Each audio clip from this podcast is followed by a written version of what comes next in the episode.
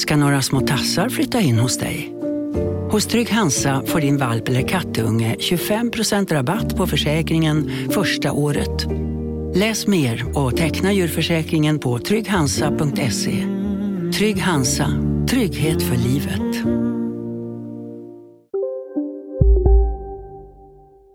Det här är Sydsvenskan.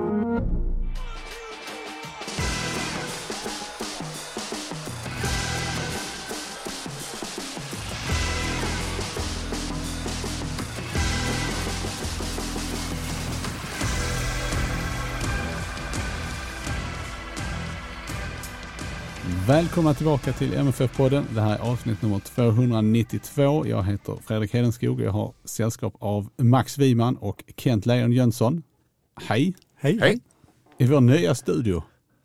Ja, yes, indeed. Som ju, man ju faktiskt nu börjar kunna kalla studio. Man kan andas. Ja. ja. Den gamla studion var ju mer uh, av ett, en garderob. Du säger det, skrubb.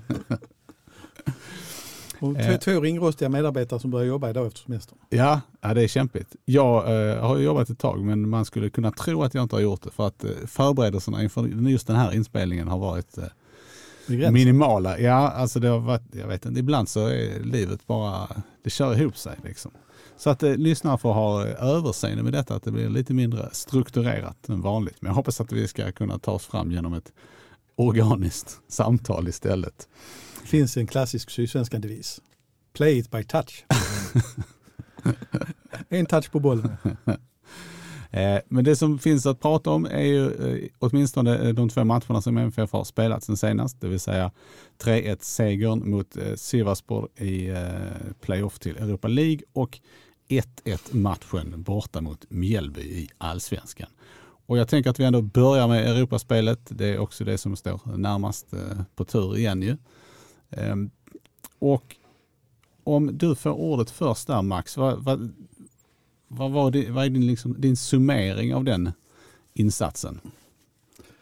Ja, den är väl lite av MFF 2022 ännu en gång kanske så att säga. Men man gör eh, några väldigt fina mål. Eh, lite Europaklass igen som jag har tjatat om, den typen av mål som behövs. Eh, man släpper till något mål billigt och jag är av den åsikten att jag tyckte att turkarna fick lite för många halvlägen faktiskt. Eh, så att 4-1 eh, hade känts tryggare för Malmö FF att åka ner till Turkiet med. 3-1 tycker jag känns som ett resultat där det fortfarande kan hända väldigt mycket. Kent, hur skulle du ranka den insatsen bland årets MFF? Ja, vad har de spelat? Ska vi säga att de har spelat låt säga, 35 tävlingsmatcher så kan man nog säga att det är definitivt topp 5. Kanske topp 3 skulle jag nog säga. Den absolut bästa Europamatchen. Utan tvekan. Det ja, alltså det, konkurrensen var inte mördande. Nej, det finns ju knappt. Men äh, verkligen inte. Då vi, vi gick igenom senast också. De två matcherna vi vunnit dessförinnan var väl när man spelat med en man mer i stort sett hela matchen. Eller i alla fall två tredjedelar av matchen. Så att, äh, Nej men jag tyckte det var ganska solid. Men jag håller med Max som släpper till. Men det är ju, det har vi sett, det är ju oerhört lätt att skapa chanser mot dem. Sen blir jag lite överraskad för att med tanke på att eh, det var ett mittenlag i turkiska ligan trots allt och eh, har börjat ligan dåligt så tyckte jag mig se att det här är ett lag som kan spela rätt så bra fotboll. Det är därför jag menar att väldigt mycket kan hända i returen. Så att det, det var ju tur ja. då så att säga att MFF presterade på den nivån trots allt som man gjorde. På något sätt tyckte jag det kändes också som att publiken även om den var mindre så var den större på något sätt. Rent, eh, det var ett större samspel. Precis som pingpongar lite med, med publiken tyckte jag också. Just det här att man fick ett hyfsat snabbt ledningsmål tror jag betydde en del också. Att man, så man skapar den här snabba relationen. Och också de som var där var ju de riktigt hängivna. Det har ju ändå varit fullt på, på eh, kortsidan, alltså ståplats slash sittplats, eh, kortsidan där MFF-fansen är. Där har ju varit, där har man fått ett massivt stöd måste man ändå säga, alla Europamatcherna. Och eh, sen som jag håller med dig, man såg att det fanns ju bra spelare i Sivasspor. Mm. Han sjuan, Max Gradell eller något sånt fall. Som är eh, i, eh, i Frankrike. Man har väl något sånt typ 97 landskamper för Sierra Leone eller det där stället. Det lät lite som att du skulle som uppvuxen i Gisslöv? Nej, som skulle komma inte, nej ja, det var ett bra twist på det hela. Men, men, så var det. men man bytte i och för sig kant. Jag ledsnade väl lite på Bemo. Men man såg att det var en bra spelare i alla fall. Sen vet, får man alltid känslan i de här matcherna att man, det är så svårt att bedöma kvaliteten på de här lagen som man, som man aldrig har sett. Mm. Eh, man vet ju inte riktigt om det var om de gjorde en dålig insats eller om, om liksom det här var deras normal Nej. nivå på något sätt. Jag, jag tyckte det kändes som att det finns mer offensiv i dem, att de var väldigt försiktiga trots allt. Precis, de gjorde en del offensiva byte på slutet och Mm. fick lite press på MFF. Kändes det som. Jag, returen kan ju bli en mardröm. En Ja, det- rysare i alla fall. Ja. Ja, nej, men det är ju det här klassiska att får de ett tidigt Ja, ja. ledningsmål så kan vad som helst hända. Exakt. Det, däremot skulle Malmö göra ett mål där nere, ja då kanske det Ja. är så gynnsamt så att det räcker. Men det, det, det är spännande och som, som många gånger sagt, det, kryddan är ju de här matcherna. Malmö går ju ändå in i det här med en viss trygghet i att man faktiskt nu är säkrad en plats i ett gruppspel. Det är ju inte den negativa kniven på strupen, det är det ju inte när man leder heller naturligtvis. Men, för det ska man också komma ihåg, det var en sak jag reflekterade över först att, att eh, jag tyckte att spelarna blev inte så glada över att de vann. Men det var nog väldigt medvetet och någonting de hade pratat om att de har inte vunnit. De leder med 3-1 i paus. För det, är, det är väldigt stor risk där att eh, även en signal gentemot motståndaren om man firar för mycket för det ger bara dem mer tändvätska. Det är rätt ja, det hade blivit psykologi. konstigt ju. Faktiskt. Ja. Eh, Men om man går djupare i detta då, vad var det MFF gjorde bra i den här matchen? Jag tyckte man, framförallt fick man väl igång de här spelarna som måste vara bra. Alltså AC tyckte jag vi gjorde väl förmodligen sin bästa match utan att vara sådär super AC bra om ni förstår vad jag menar. Eh, och, och lite större marginaler kände man ändå att det, det fanns i laget. Och jag tror det kommer att bli viktigt i returen att är, kom, spela med lite större marginaler, ta det lite lugnare. Det behöver inte vara de, som vi såg matchen mot Mjällby, men spelar upp på fel spelare eh, gång på gång och tappar bollen. Utan jag tror att eh, jag tror också spelarna, deras inställning tänker lite mer så att det är, det är tillåtet att skyffla bollen lite mer i Europa. Och sen Sedan vis, har ju visat att han har varit jättebra eh, tillskott i allsvenskan men eh, det målet han gör är ju riktigt svårt alltså mot Sivasspor. Det är inte många som gör det i laget. Han, det var ett väldigt fint mål. Sen, sen försvann han lite grann. Jag, tyckte- jag tyckte det Geo som gjorde bra det var när han gjorde ett trippelbyte va, i andra Mm. halvlek. Jag tyckte att det kunde kommit lite tidigare till och med. Men för det, det, liksom, det gick ner lite grann där. Man kände, jag tyckte han plockade rätt spelare och tog in Mm. rätt spelare också. För det så tror jag att man, Det var ju den matchen man upplevt att Georgssons fingertoppskänsla har funnits där just med Sivasspor. Och kanske inte så mycket med Mjällby men eh, det får vi kanske anledning att komma tillbaka till. Nej, men just den, den där grejen med byten, det är också signaler det här att, eh, att byta en spelare, ja det ger kanske inte så mycket, men om du byter tre spelare så är det liksom en tydlig signal att nu ser det lite trött ut eller nu vill vi ha en förändring, nu får vi in andra karaktärer. Mm. Eh, och det, det, det tyckte jag han lyckades bra med i den matchen också, faktiskt. Och jag håller med Kent vad det gäller AC. Det, där kan man väl säga om man glider lite på Mjällby att jag tycker även det fortsatte till viss del mot Mjällby att han krigade, kämpade, sprang, slet för laget. Som, Precis, han var, var mer en lagkapten än vad Ja. tidigare. Kanske har han har förstås varit hämmad av skador och allt det här men nu kändes det som, jag tror också mot, eh, mot Sivasspor så alltså den, det är balansakt på en väldigt slak lina men den höft, eh, jag ska inte säga höft, det var en brösttackling som man satte in mot eh, eh, den före detta eh, Djurgårdsspelaren Fredrik Ulvestad i Sivasspor just i eget straffområde som kunde ju lett till något annat. Men det var ju, det var ju en sån där lite, vad ska man säga, primitiv och lite brutal signal. Men jag tror att det gynnar faktiskt MFF i den här matchen. Om ni minns den. Mitten av första halvlek, pang bom. Det är så matcherna flyter ihop. Om jag minns rätt så var det också, du nämnde Bejmo. Ja. Det var väl en av hans bättre matcher i Malmö FF som jag upplevde. Ja, tyckte jag också. Eh, alltså att, därför blir det också en kontrast om man jämför mot Mjällby där jag Ja. tyckte han var tam och trött och inte Ja. kom förbi och inte vågade. Ja, men här det- fick han väl de här, eh, just att de spelade som de gjorde, de gav upp rätt mycket ytor turkarna så att han fick ju liksom löpa eh, ostört med bollen i Han var- 30-40 meter. Men han var säkrare med bollen och gjorde mer av den på något sätt tyckte jag Ja. också. Sen frågetecknet i den här matchen var väl kanske ett inhopp av en debutant. Eh, jag tänker på den defensiva mittfältaren. Du tänker Lomotaj. på Lo- Emanuel Lomotey. Precis.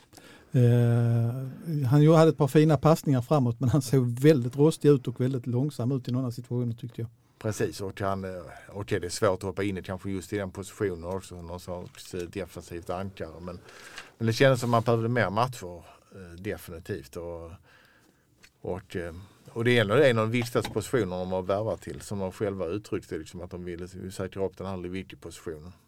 Även om Rakip har spelat i den och till vissa delar gjort det hyggligt i alla fall. Vilket då för in, jag tror vi pratade om det här förra gången igen, men eh, eh jag har en känsla av att Malmö FF kanske gjorde ett misstag riktigt denna gången när man drog sig ur u serien Därför att eh, nu pratas det om Jonas Knudsen på minuter, ja var ska han få de minuterna?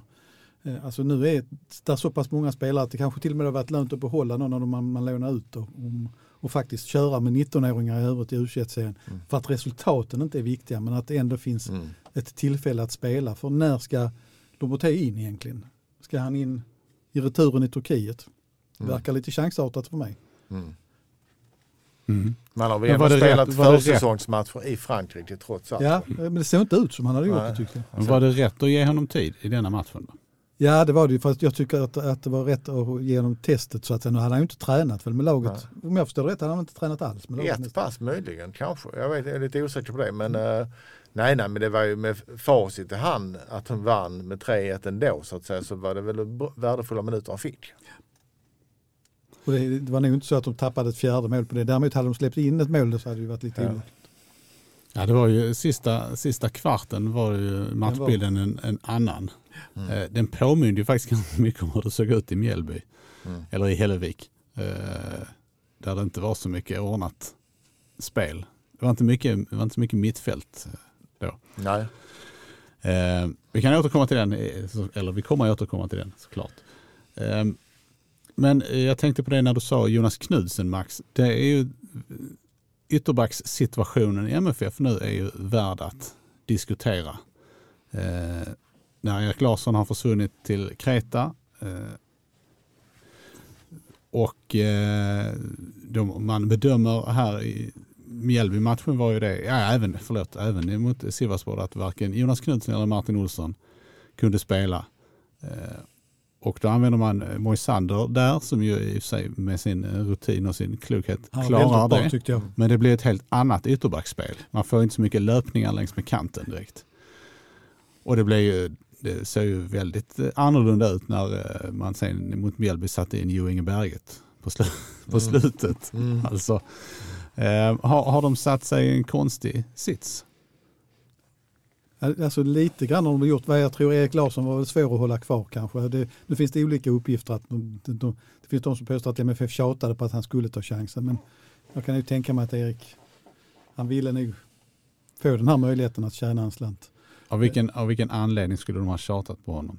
Ja, det, det är väl mest supportersnack som uppstår. Alltså att, att Erik inte hade varit så bra och att, att Bejmo blev så tydligt första val. Så var det tillfälle kanske att få in en slant för honom. Men jag, jag tror inte på den. Ja, du menar så. Eh, den överhuvudtaget. Men, men Knudsen, där, man vet ju aldrig vad som händer efter en korsbandsskada. Nu, nu ska man ju, Toivonen har väl inte varit helt glimrande men han har ju gjort det bra efter sin skada. Men Knudsen verkar ju ha väldigt lång väg. Han, han var ju inte världens bästa fotbollsspelare innan.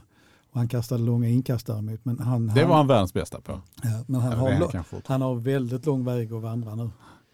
Mm. Apropå Nej. inkast, förlåt, det är totalt sidospår, men Felix Beijmo han har svårt att kasta inkast.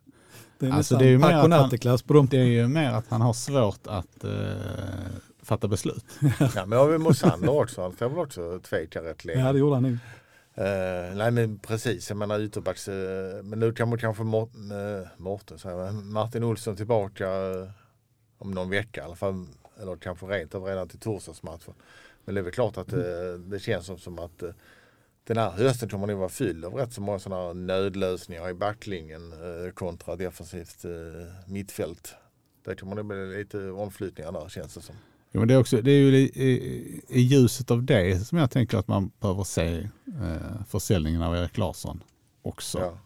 Som ju, som, det var, som läget var, var ändå Alltså han gjorde första, sin, första reserv på båda ytterbacksplatserna. Ja. Hans, hans sista match i MF var en av de bästa på mycket länge.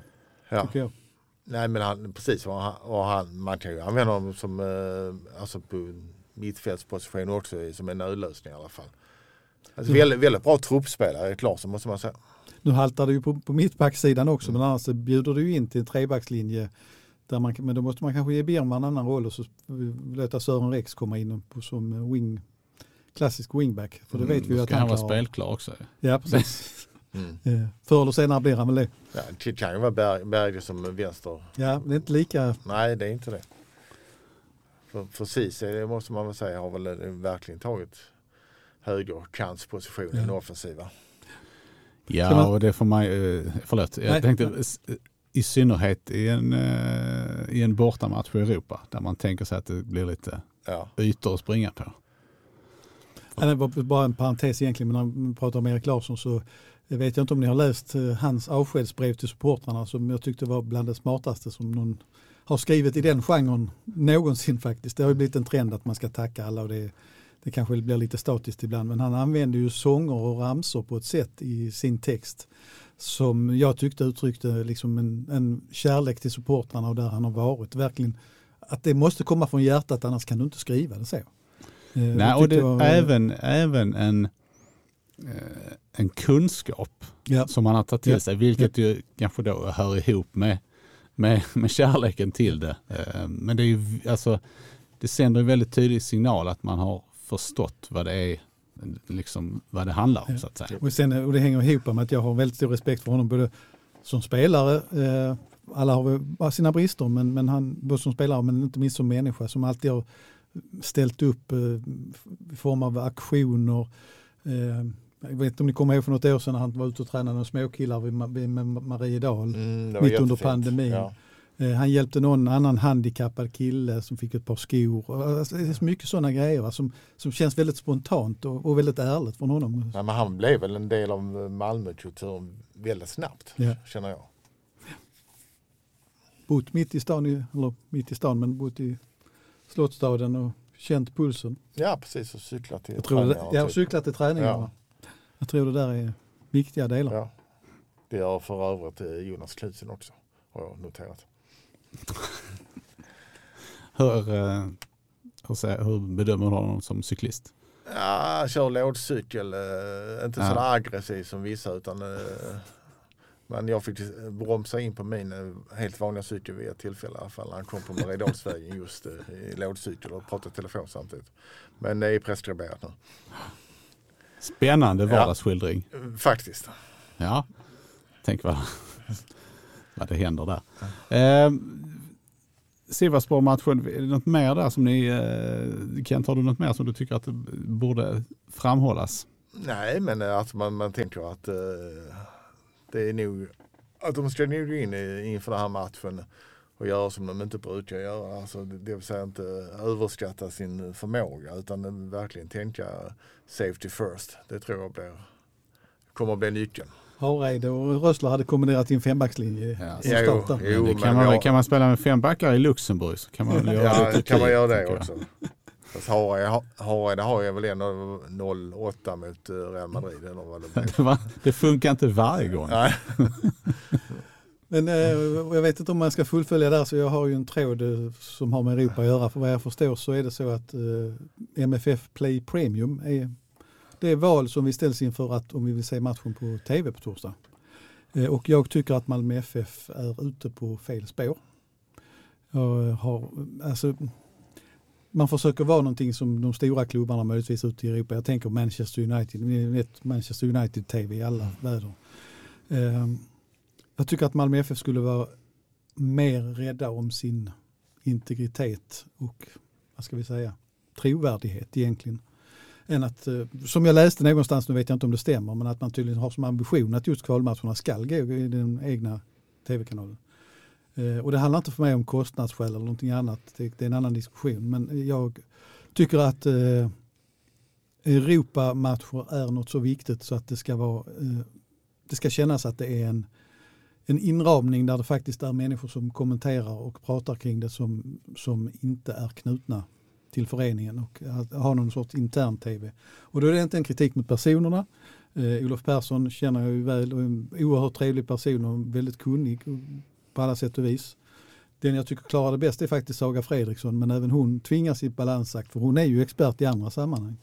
Alltså det är ju svårt. Det är ju, eh, alltså sändningarna som sådana är ju väldigt ambitiösa Ja, och absolut. Sen har det varit lite tekniska bekymmer emellanåt. Den senaste var inga tekniska Nej.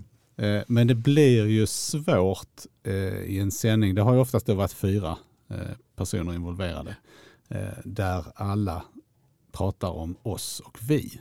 Exakt, och förnamn på spelare och eh, Ehm, Och det, det blir ju lite, sen vet inte jag, alltså det kanske är, de flesta som tittar kanske inte bryr sig. Det kanske är vi som är extra känsliga. Jag tror det är både och. Jag har hört eh, mer än en. Jag har hört många supportrar som har reagerat på det och tycker att man vill... Eh, alltså de är, supportrar i sig själv ska man ju komma ihåg är ganska hårda Mm. i sina omdömen. Eh, det, det kan inte vara så, förlåt mig Ola att jag säger det här, men liksom att eh, mot eh, Salgiris att, att Erik, eh, Olof Persson hojtar bra där Erik när han lyckas kasta ett inkast till en medspelare. Liksom det, det, nivån måste upp. I vissa matcher tycker jag det har varit betydligt bättre. Men för mig har det liksom tappat, hela konceptet är fel. Mm. Eh, eh, alltså, Men skulle det vara, eh, eftersom det är en, ganska intressant diskussion, skulle, det vara, skulle du tycka det var okej att matcherna sändes eh, på MFF Play om det hade varit externa eh, extern personal så att säga? Alltså, leker man med tanken så hade det varit mycket bättre. Men det är ju fortfarande en beroendeställning på något sätt där som, som jag kan tycka är tveksam. Men, men, men eh, Jag tycker också lite så, om man tänker ur MFFs perspektiv så tror jag de tycker det är liksom ett statement att de klarar av att ta den här typen av eh, sändningar. Det visar att de är en storklubb. Och jag, jag, jag kan köpa det här liksom är lite enögda mm, perspektivet eller kommenteringen av matcherna för jag vet att det är klubblags-tv. Men jag tycker ändå, jag tycker största problemet för mig är kanske ändå trots allt tillgängligheten som du kanske hade fått om det sänts i, i Viaplay. Eh, jag tror det är viktigare för MFFs varumärke att synas än att sända själv. Och det håller jag helt Ja. med dig Kent. Alltså absolut Ja. 100 procent att det är... Ja, ja, det där menar jag också att, att det på något sätt blir ett Mm. feltänk. Att eh, det är inte riktigt det här Malmö FF är och ska vara på något sätt. Utan, eh, För då är det i så fall bättre kan jag tycka att sända två timmar exklusivt från, från ett träningsläger eller inifrån omklädningsrummet eller något i den Exakt. stilen. Eh, Eller U21-matcher? Nej, det går Ja. Eller, eller från taktikrummet med Georgsson och, och hans närmaste som förklarar massa saker som är lite halvexklusiva och till den stilen. Utan att avslöja för mycket naturligtvis. Men lite så. nej, men jag, bara, bara fortsätta hålla med. Jag, jag tror på något sätt man devalverar sitt eget varumärke Mm. när man gör det till klubb-tv. Eh, och jag har svårt att tro att inte någon annan intressent skulle kunna vara beredd att sända. Mm. Eh, då är det oerhört tragiskt om det skulle Mm. vara så. Men MFF tycker säkert att det är lite kaxigt att göra det. Jag kan hålla med till viss del som jag sa. Men just tillgängligheten. Där, den tror jag är viktigare i det här fallet. För det är ju många det är ju väldigt många som inte kommer att se matchen på grund av detta som kanske redan har ett abonnemang på eh, någon av de här, typ via play eller något i den stilen. Men det- Men det- om man, får, om man får då, eh, om man ser det lite från andra sidan så är det ju, och jag återkommer till det här med, med produktionen som ju, som ju Mm. faktiskt är bra. Alltså, Mm. ehm, så är det ju, de, de, de alternativa sändningarna som har varit under det här kvalet, då har ju det varit eh, en match på Viaplay, den bortamatchen på Island som vi var direkt inhämtade därifrån. Det var ju isländskt paussnack och så. det. Den, den höll ju ingen eh, jättehög klass. Och sen så har det varit Aftonbladet. Eh, och där har ju till och med varit sändningar alltså, utan repriser och grejer. Så Ja, de det är ju liksom, Det eh, om, det, om det är så att det inte finns någon annan som liksom är beredd att ta hela samma stora produktionsansvar, då kan jag ju förstå kanske, alltså ur, en, ur tittarsynpunkt att, att det här ändå har sina, sina fördelar. Liksom. I så fall så är det ju det du var inne på, att då gäller det att hitta en modell kanske där man ändå tar in människor utifrån. Som, för alltså, man behöver ju inte måla Igen på väggen, men tänk om det nu nere i Turkiet händer någonting, en kontroversiell situation, en Malmöspelare eh, klubbar ner en motståndare eller vad som helst. Alltså, det, det blir väldigt svårt för de här klubbmänniskorna att, att, att eh, diskutera och kommentera kring det. Eller, eh, även om inte Ol- Olof Persson har den centrala rollen i Malmö FF nu så är han ju väldigt mycket Malmö FF. Och Saga Fredriksson spelar ju i Malmö FF. Men hon tycker hon är en väldigt duktig tv-expert måste jag säga. Men eh, ja, lite jag skulle önska mig en, en vanlig riktig tv-sändning. Alltså då menar jag inte att det måste vara vanlig i, i linjär tv. Utan att SVT skulle... med Nej, verkligen inte. Det, det, det, där kan vi ta helt andra diskussioner. För jag har tittat på ridsport-VM på SVT nu med hejaklacksledare som, ja. i SVT som har varit mycket, mycket värre än, än det i Just i SVT kan jag alltså rent så här eh, om man spontant också tycka att de har så få bra rättigheter de, och de rättigheter de har pratar de upp något vansinnigt. Ja, det, de har tappat uh, fullständigt perspektivet ibland. Mm. Så att. Men eh, ja, nej, men jag tycker, jag tycker diskussionen Det är en helt annan diskussion. Ja. Jag, jag tycker diskussionen är intressant, liksom vad MFF vill vara och hur man, hur man ska vara det. Och jag, jag, jag, jag, har sagt det tidigare att jag tror inte riktigt på, den vägen. Ja, men, äh, Fredrik kanske är inne på det just där med att ta in äh, externa människor som kommenterar. Sen kan man ju alltid ha kvar någon med, med himmelsblå trosor eller kalsonger i, i studion ändå naturligtvis. Men då får man någonting som kanske vad ska man säga, en motbild. Någonting som skaver lite så, så någon dynamik uppstår kanske. Jag vet ju inte om historien är sann om man ska dra upp det nu igen. Kommer ni ihåg att Tom Prahl något år var, kommenterade matcherna på innerplan? Det sägs att eh, MFF tyckte att han var för kritisk. Och där intervjuades han eh, också av väldigt, som var väldigt bra intervjuare. Kommer jag inte ens ihåg. Ja, han är i, i fokus just nu i alla fall. Andreas Eriksson. Just ja, det var så det var. Ja. Det kommer jag faktiskt inte ihåg. Jo, jag tror det var så. Eh, vad tror ni, innan vi lämnar Europaspåret, vad tror ni om returen? Där, vi har ju varit inne och eh, berört eventuell eh, fembackslinje men vi, vi, kommer, man, kommer de att sätta ett defensivare lag på, på banan tror ni?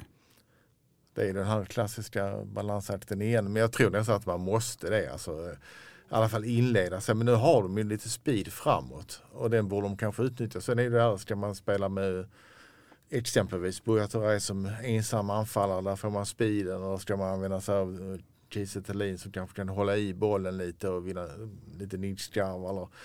Men varför inte 3-5-2 med, eh, där skulle jag säga, Mancevic och en till på topp.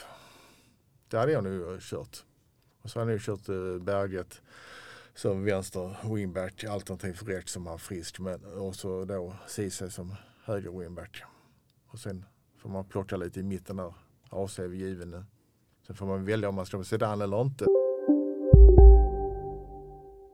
Har du också valt att bli egen? Då är det viktigt att skaffa en bra företagsförsäkring. Hos oss är alla småföretag stora och inga frågor för små. Swedeas företagsförsäkring är anpassad för mindre företag och täcker även sånt som din hemförsäkring inte täcker. Gå in på swedea.se företag och jämför själv.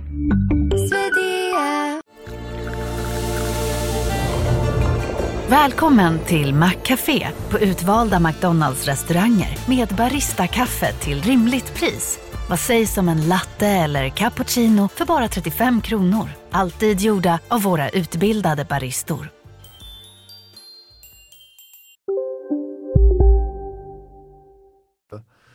Penja, ja, Rakip tror jag. Eller hur var det? Han har inte någon avstängning utan är helt Nej, det var väl, nej, det den, var den är avklarad. Jag tror det är så. Ja. Uh, ja, sen är det väl uh, de tre vanliga mittbacks gubbarna där. Och där hänger det på att Hadzikadunic är hel. Absolut, men jag För tror att ju... det kommer att bli extremt viktigt. För han är trots allt det bästa mittbacken tycker jag, i mitt tycke i alla fall. Annars håller jag med dig mesta där med, med vad det gäller uttagningen. Att, eh, jag, jag, tror att, att man måste vara, resonera förnuftigt men framförallt måste man se till så att man har de formstarkaste spelarna på planen. Mm. Tycker återigen nu att det blev lite konstigt, vi kommer att prata mer om Mjällby, men eh, att man bänkar alla de som faktiskt har visat form mm. på en gång. Och, eh, därför tycker jag väl att på något sätt Zeidan borde få en plats. Jag vill egentligen inte peta Penja men det är frågan om det är han som får stå tillbaka denna gången.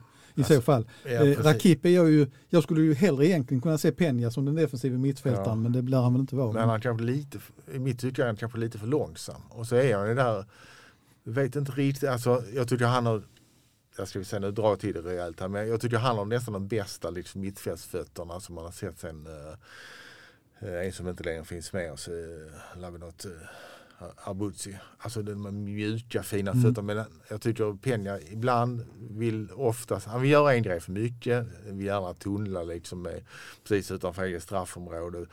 Och ibland stannar ju spelet upp lite på honom. Nej, det kan vara så. Jag, Eh, Jag vet inte men samtidigt kan han just hålla i bollen kanske bli ovärderad till en sån match. Ja, det är det som är viktigt Ja. också. Där. Och jag tror att, eh, som sagt, kan, eh, jag vill definitivt se Isak Kiese Thelin på planen för att Ja. eh, en sån uppspelspunkt eh, känns bra. Och med tanke på form återigen, för det, det här med farten är också någonting man skulle kunna tänka kring. Men det får man väl i sig med Ceesay och eh, kanske viss mån med Zidane. Men, men eh, eh, Buya Turays form är inte av den nivån att, att jag tycker att han ska spela i Europa. Nej, men såg man, eh, såg man Djurgårdens matcher så jag vill minnas att han funkar bäst som ensam anfallare. Han får springa på vad han vill, eh, bara spring. Du får göra alltså en väldigt, väldigt fri roll. Man ska ligga alla fram och hugga. För att jag tycker han har inte funkat som eh, jag är inte någon större vän av 4-3-3 men han har inte funkat som ytter där i alla fall. Eh, Jag vill ju också se, jag vill se två riktiga anfallare i Malmö FF Ja. egentligen. Men, men om, eh, som det ser ut nu så då kanske Buya Touré kan vara ett alternativ att kasta in när Thelin tröttnar. kanske om man har, dessutom har ett jämnt resultat eller man, eh, ja. Sen det tycker jag fortfarande diskussionen är också att Ola Toivonens rutin och erfarenhet det skulle man också vilja ha på planen. Jo, men Så det är- Där vet man inte den fysiska statusen. Nej, jag räcker benen till för lite mer löpmeter av Kiese Thelin. Eh, Men sen får du mer finess av eh, Ja. Ola Toivonen naturligtvis. Men jag tror eh, båda är i och för sig bra på defensiva fasta, Fasta. situationer. Så att, Och Där tror jag inte du har så mycket nytta av Buya Touré. nej, det har du nog inte. Det har du nog inte. Honom får du nog inte nytta av i...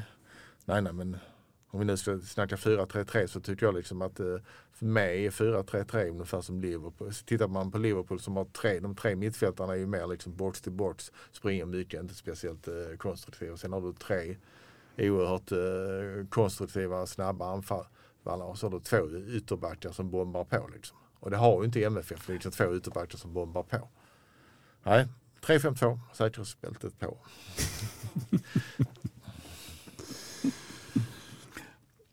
Ja, nej, men det, det, det, det ligger nära till hans Mm. med tanke på hur läget i truppen ser ut. också Ja, jag faktiskt. tror nästan att det passar dem bäst.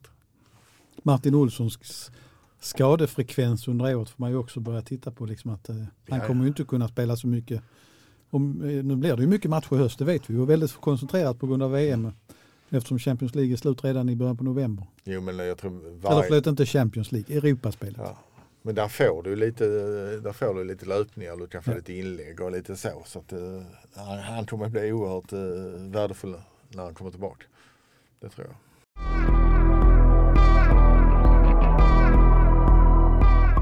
Nu ska vi prata om allsvenskan, Ja, tänkte jag. Ni har, final. ni har, ni har fis- fiskat på den här. Ja.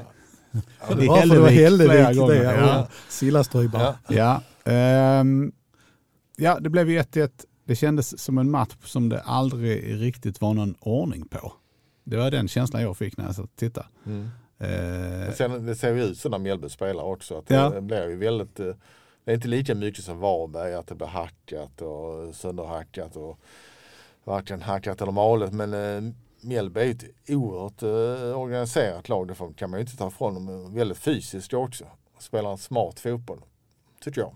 Och eh, nu ska man inte fylla på ett underlag men eh, det är väl klart att eh, det är som spelar i spela kula i en ryamattan och sånt. Det är, det är ju rätt svårt att beräkna. Bollarna stoppar ju upp väldigt mycket. Det kan man ju... En passningsspel i första halvlek var väl inte det bästa man har sett. alltså jag var länge sedan jag såg en match med, med så många bolltapp Ja. i rad. Det var liksom, Otroligt låg det kvalitet. ja. Men jag, jag hade tänkt börja i exakt samma ände som Kent. Jag, skulle- jag hade tänkt, inte bara för att eh, jag har en liten bit av hjärtat där uppe. Jag gillar att de här små klubbarna lever sitt liv. Framförallt Mjällby är, är unika på det sättet. Men Men är inte det i Åhus då hjärtat lite och Kristianstad? Men det kanske ingår i stor, Storhällevik. men det är inga fotbollslag där att nämna. Inte i OS i alla fall. Eh, nej men alltså det faktum det Mjällby gör, det är ett, eh, de gör ett väldigt bra fotbollslag. Mm. Eh, Som inte bara är ett sparka spring men som parkerar bussen utan eh, som har en tanke bakom det de gör. Eh, när de går till anfall så de är liksom inte fega utan de, de spelar ett bra anfallsspel.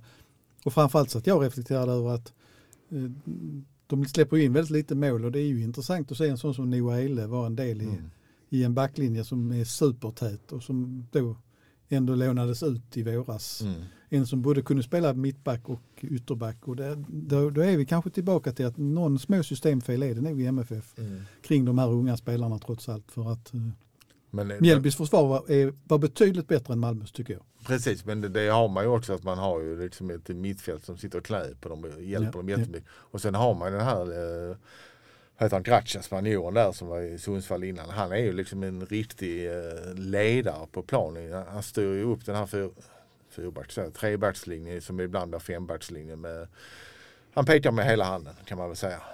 Halva armen också. Men Mjällby har alltså släppt in 17 mål tror jag. Mm. Jag vet inte hur många Malmö har släppt in på rak arm men det är betydligt fler. Men då, mm, precis, och, men andra sidan så chansmässigt, ja det har ju sett ut som gjort de flesta matcherna i MFF har spelat att de skapar ju oftast fler chanser än motståndare öppna lägen tycker jag. Men man har Bivancevic, ja med lite skärpa så är han ju tremålsskytt tycker jag. Ja, vi De har- pratade om det här Jag ska innan. bara säga att de har släppt in lika många mål. Lika Ja. många, förlåt. Ja. Det var, det var lite felaktig bild där av att Ja. Malmö hade släppt in fler. Eh, men eh, vi pratade lite om det här innan inspelningen också med, med Birmas Mm målsumpande. Och, alltså, han gör ju ett väldigt fint mål igen. Men det första läget han bränner är väl eh, klarare och det sista kanske han skulle passat bollen. Så att det, det är ju ett, det är ju bra att han gör målen men det är ett bekymmer. Han är ju definitivt på väg upp ur en svacka. Han mådde säkert bra av att bli bänkad till slut eftersom han under Milos Milojevic kändes som att han var den första han skrev in i laget. Mm. Nej, han är, alltså, han är ju den som kan göra saker som inga andra kan i det här laget. Så, och när han är på det här humöret tycker jag han är oerhört underhållande att se. Men samtidigt känner man ibland liksom, hallå, bredsida in bollen vid stolproten Ja. någon gång. Även här där eh, är det Kiese Thelin som hoppar över ett Ceesay-inlägg. Eller släpper det mellan benen när han kommer.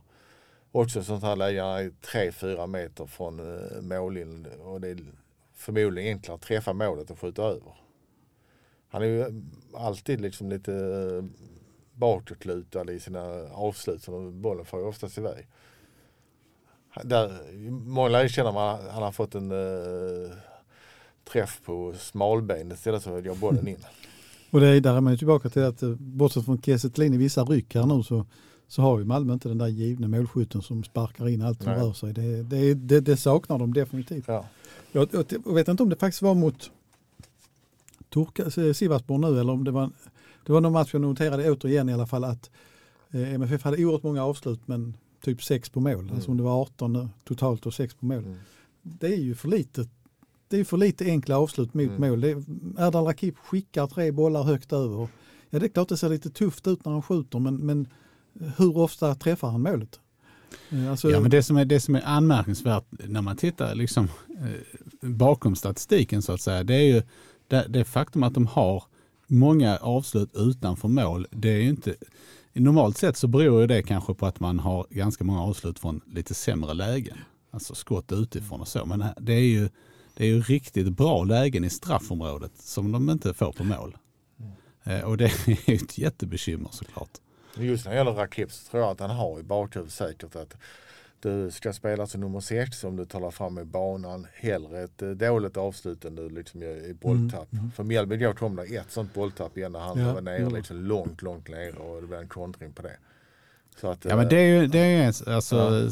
så är det ju Ja. i den rollen. Den alltså, rollen vet man, den jag, som, ja. den, vet man ju från sin egen tid. Den som, den som hade position utanför straffområdet på hörna Ja. skulle dra till. Träffar man så träffar Ja. man. Träffar man inte så blir det ingen kontring. Nej, Nej men det är väl eh, bra. Ja. men det, det kopplar ihop det du säger med Rakip och bolltapp där så eh, kopplar ihop när vi pratade om Felix Beijmo innan för jag tycker verkligen inte han var bra mot Mjällby igår. Eh, att just det hände ett stort antal gånger att han var högt uppe i banan och så blev det ett jättehål bakom honom. mm. Eh, för att han var liksom trög och långsam och kanske inte stack i rätt läge. Jag tror han har svårt Det- att be, besluta sig också för han eh, kom ju till, oftast till liksom hörnan av straffområdet Ja. sen till det slut där.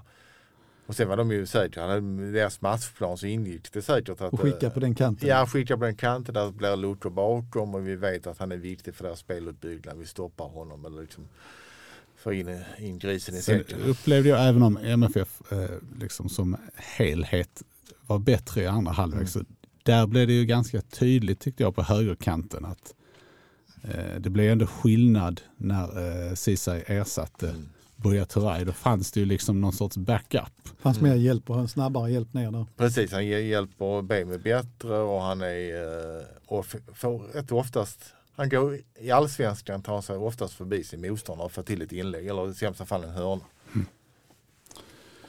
Var det någonting som MFF gjorde bra mot Mjällby då? Jag nämnde också innan, jag tyckte att han är tillbaka i någon sorts eh, lagspelarroll. Sen finns det alltid mer att önska, men jag tycker Mm. att han krigade på ett, Mm. ett väldigt bra sätt. Och, Jag tyckte, ja, precis, jag tyckte mycket var halvbra Ja, men, mycket, inte, men inte tillräckligt bra. Det är, ju, eh, precis, Sisas inhopp var ju bra och, och även eh, ja, Birma tyckte jag var snudd på en fyra betyg i alla fall. Det måste man säga. Allting kretsar kring honom. Eh, men det är väl klart att det finns ju massa skönhetsfläckar då. Framförallt hur man håller ihop som lag. Och, eh, och Mjällbytränaren Brännström har väl nämnts ett par gånger i MFF-sammanhang. Jag vet inte om en sån skulle kunna vara en kandidat. Eller, man vet ju inte det. När de väljer tränare så eh, kommer det liksom oftast ur trollkarlens hatt känns det som. Man vet inte riktigt vad som dyker upp. Där har du ju en sak, just Georgssons roll och hur ska han fortsätta? Det, man vet ju inte alls hur, liksom, hur turerna går och hur läget är. För Malmö har ju inte råd att göra fel med en tränarrekrytering igen. Men jag reagerade Det har vi sagt många gånger förut. Ja, det har vi. Ändå har det blivit guld. Jag reagerade, ja det är sant det också. Men det har ju inte blivit någon kontinuitet. kan Nej det har inte blivit. Eh, nej, jag reagerade på hans uh, uttalande efteråt som jag förmodar är korrekt att han var väldigt stolt över laget och sånt här. Jag, man, kan inte, man kan inte säga så som MFF-tränare när man tappar i poäng i guldstriden även om Mjällby är ett, ett bra, bra och tappert lag. Man, man, man måste vara lite tuffare. Eh, och det kan, vi har pratat om det tidigare också. Ord, vad betyder ord? Ja, men det betyder ganska mycket ändå Mm. för det är signaler in till laget Mm. och till omgivningen. Ja, ännu mer nu i den här tiden med, med sociala medier så, så betyder, betyder det betydligt mer. Om du hade sagt det här för 30 år sedan så hade det liksom blivit eh, stått i ett par tidningar sen hade det varit glömt eh, dagen efter. De här cirkulerar runt och folk blir ju, alltså det här jag menar gemene MFF-supporter tittar ju naturligtvis på tabellen. Ja. Och ser liksom att ja, men vi tappar ju här i toppstriden istället för det gäller gyllene läge att kanske ta in en poäng eller två. Ja, Och spelarna, eh, spelarna är människor de också. De, de reagerar på de här tonlägena. Och det är, det är Ja. liksom inte bara vad tränaren visar hur man ska spela som, som är avgörande utan det handlar väldigt mycket om ton och röstläge. Och, Sen tror jag Georgsson är den typen som han vill gjuta mod i sina spelare. Han vill att de ska känna sig be- bekväma och allt det här. Att de eh, och till, liksom tilltro till tränaren och hans idéer. Så att det, det kanske, man vet inte riktigt Det vad som är bakom. och det där tycker jag vi man har sett. Jag tycker fortfarande man ser en skillnad att det är mer tanke bakom Malmö FFs Ja. anfallsspel nu än det var för några Ja. veckor sedan. Man vet inte. Alltså man har ju, ja. se, man har i alla fall sett, nu blev det ju inte mer än oavgjort mot Mjällby, men där fanns ju, där fanns ju tydliga uppspelsmönster, Mm. precis som det gjorde mot Sivasspor, att man ändå hade tittat vad motståndaren eh, erbjuder och, eh, och utnyttja det liksom.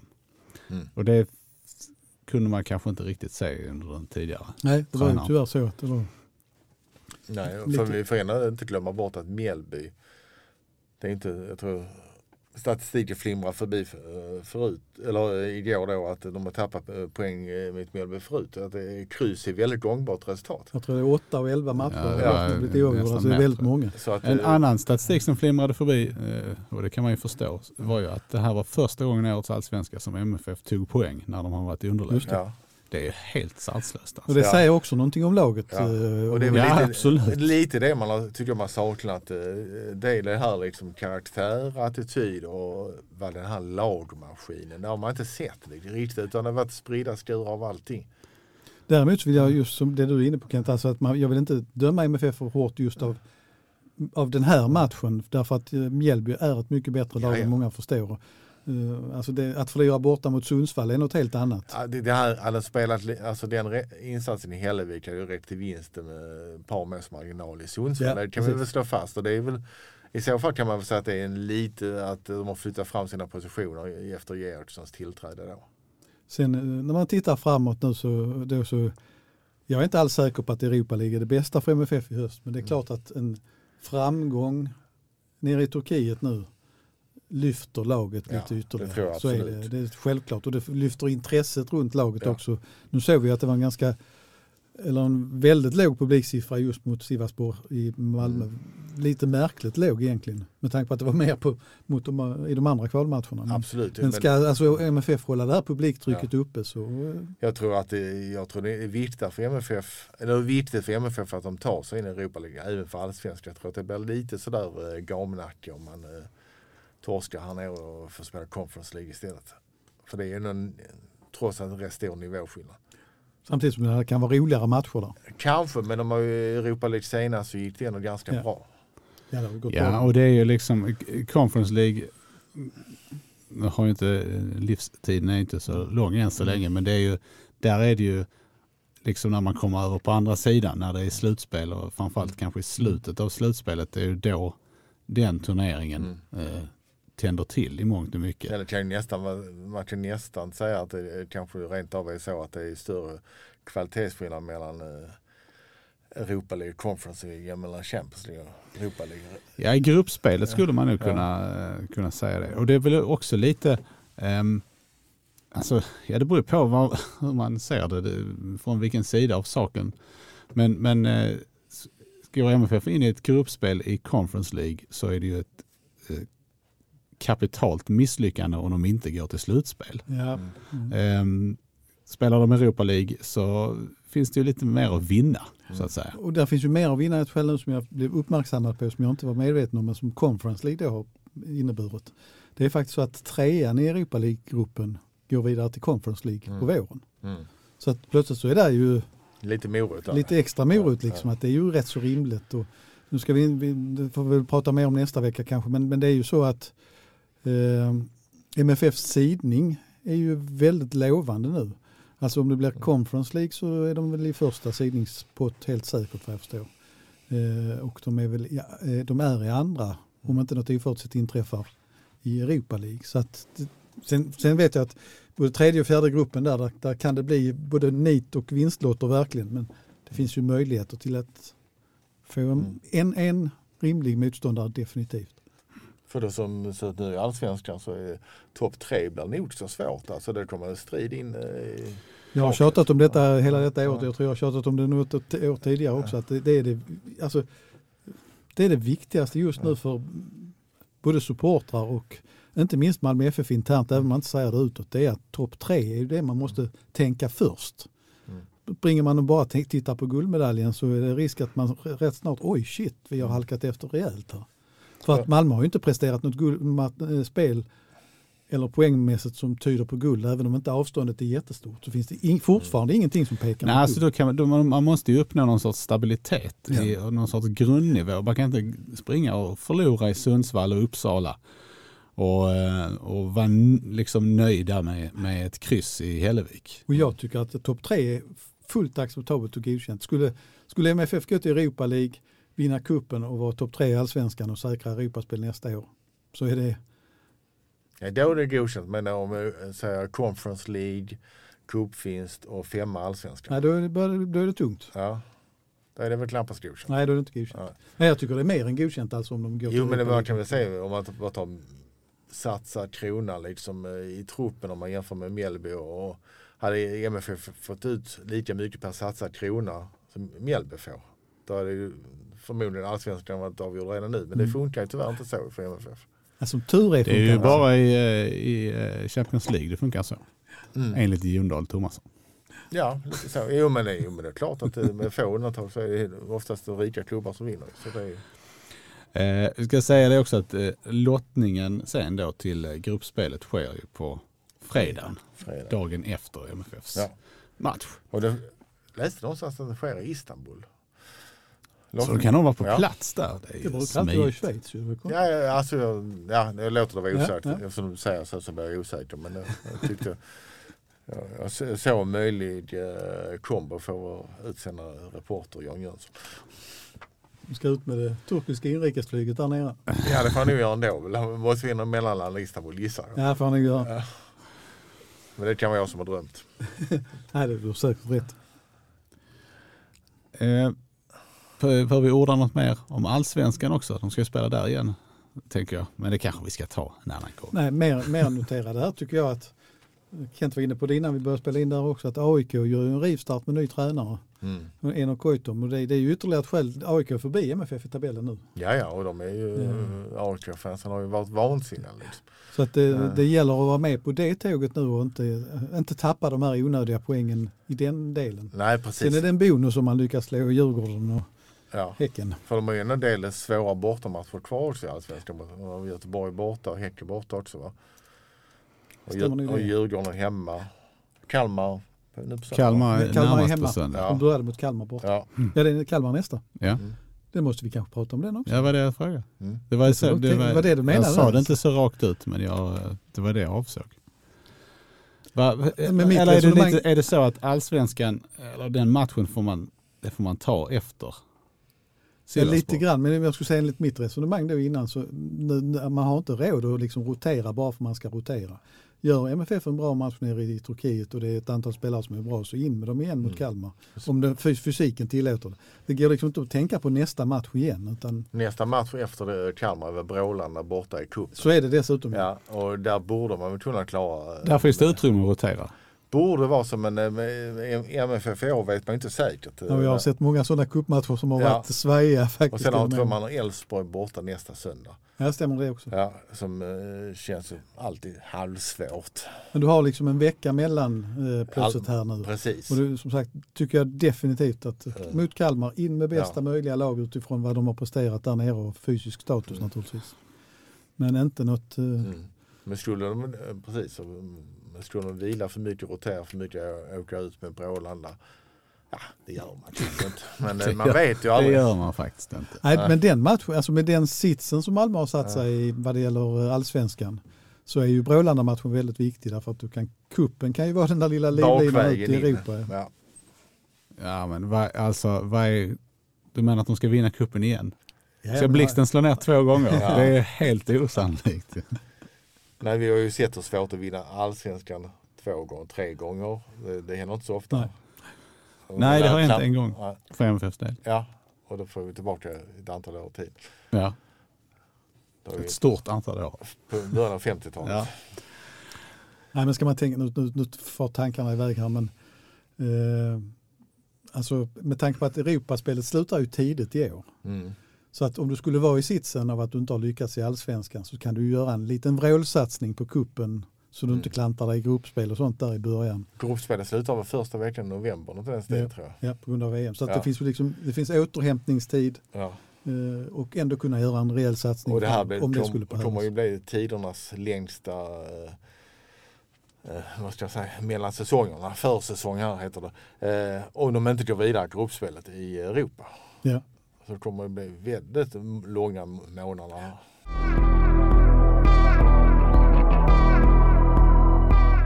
Max räcker upp handen, han ska säga någonting innan vi slutar. Ja, jag bara kommer att tänka på, jag, eftersom det, vi kallar det här, det här heter ju trots allt MFF-podden.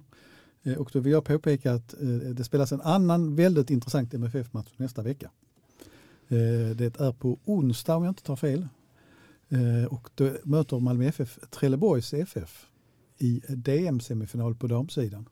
Och det är första gången som Malmö FF möter det, den typen av motstånd. Alltså Trelleborg leder division 1.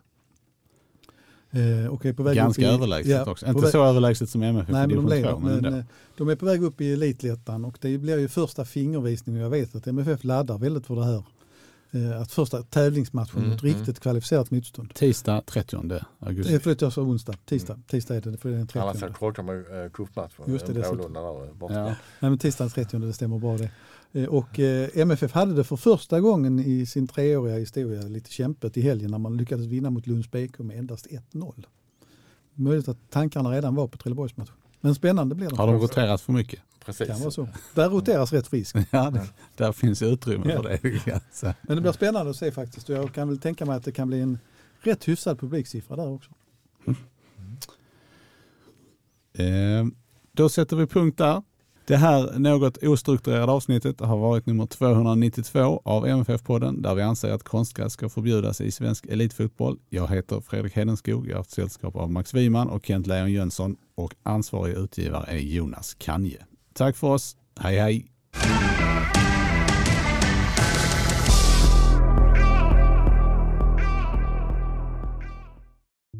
det bara smäller.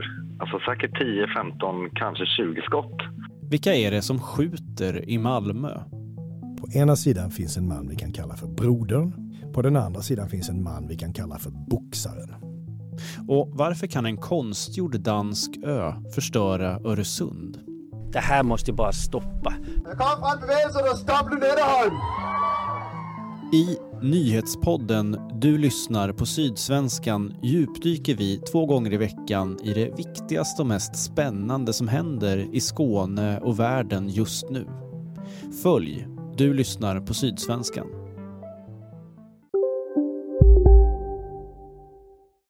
Hej, Susanne Axel här. När du gör som jag och listar dig på en av Krys vårdcentraler får du en fast läkarkontakt som kan din sjukdomshistoria. Du får träffa erfarna specialister, tillgång till lättakuten och så kan du chatta med vårdpersonalen. Så gör ditt viktigaste val idag, lista dig hos Kry.